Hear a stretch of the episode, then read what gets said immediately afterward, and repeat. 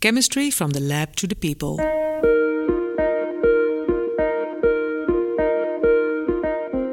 Welcome to this podcast. My name is Bas Terlingen and I'm sitting together with uh, Morteza Hadian. Morteza, how come that we have never met before? Hi, Bas. Uh, yeah, it's uh, really strange because uh, we are working in the CERN consortium. Yeah, so we are actually colleagues that work on different locations. So uh, you're working in Eindhoven, right? Yes, correct. So the ARC CBBC is a big consortium that is uh, it's like a joint initiative of uh, ac- academic hubs, uh, academic universities, and we also have industrial partners, and we work together on topics like sustainability and uh, green chemistry and uh, renewable resources. Could you explain a bit on why do we want to uh, address these problems?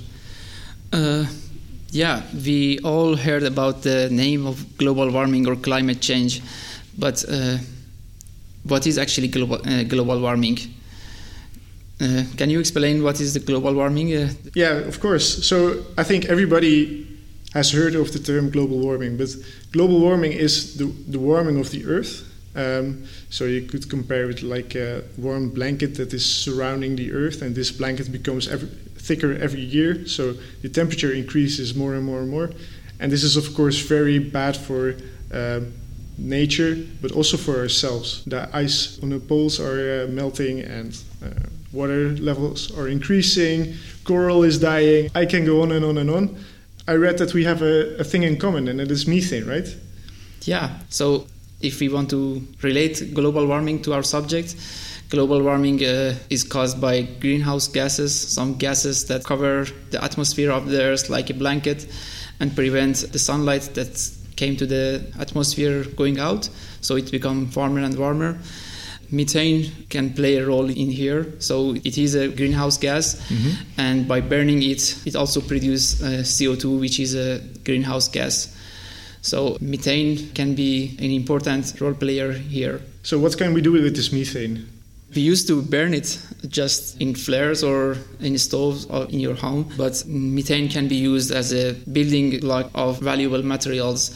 I think that's a common point of our project. Yeah, that's also what you're working on, right? Yeah, so I'm using uh, methane as a feedstock to produce hydrogen, which is a green energy carrier that can be used in the cars or also can be used uh, a feedstock that can be used in industry to produce many of daily products that we use every day. Next we want to produce some functional carbon which are nano structured and that can be used also in different industries uh, like building materials that are light and extremely strong and also in semiconductors or many other fields.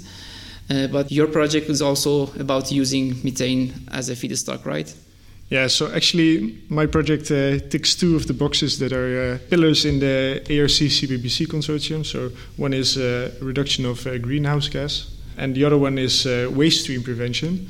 So, my uh, industrial partner, which is uh, they have a, a surplus of hydrogen chloride. So, now they don't have any use for that. So, they want to try to recycle that.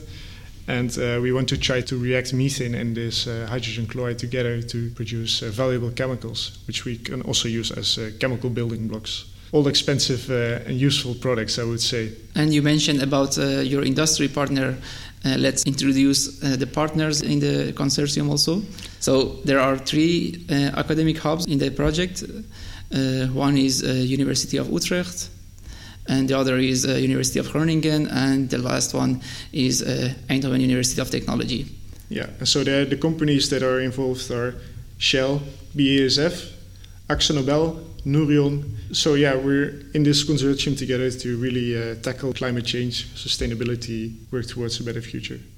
Maybe you could elaborate a bit on uh, what we are going to talk about in the future. Yeah, in the future, we are going to interview some of our colleagues uh, in the consortium, uh, researchers from academia or from the industry partners, about the usage of methane in a way that uh, is more sustainable for the society and also reduces the ecological footprint of the chemical industry. And we want to try to make it as simple as possible, right? So uh, yeah, so our parents can also understand it, and our friends that are not in science. So uh, we want to keep it as simple as possible. So that is our main goal to bring the uh, the chemistry we do in the lab to normal people. Hence the title of our podcast. Yeah, I'm really looking forward to to hear your interviews with uh, with partners and your colleagues and also get to know some of them because it's a big consortium and I know a few of them. Let's make the best of it. Good luck. Good luck. Thank you. Bye.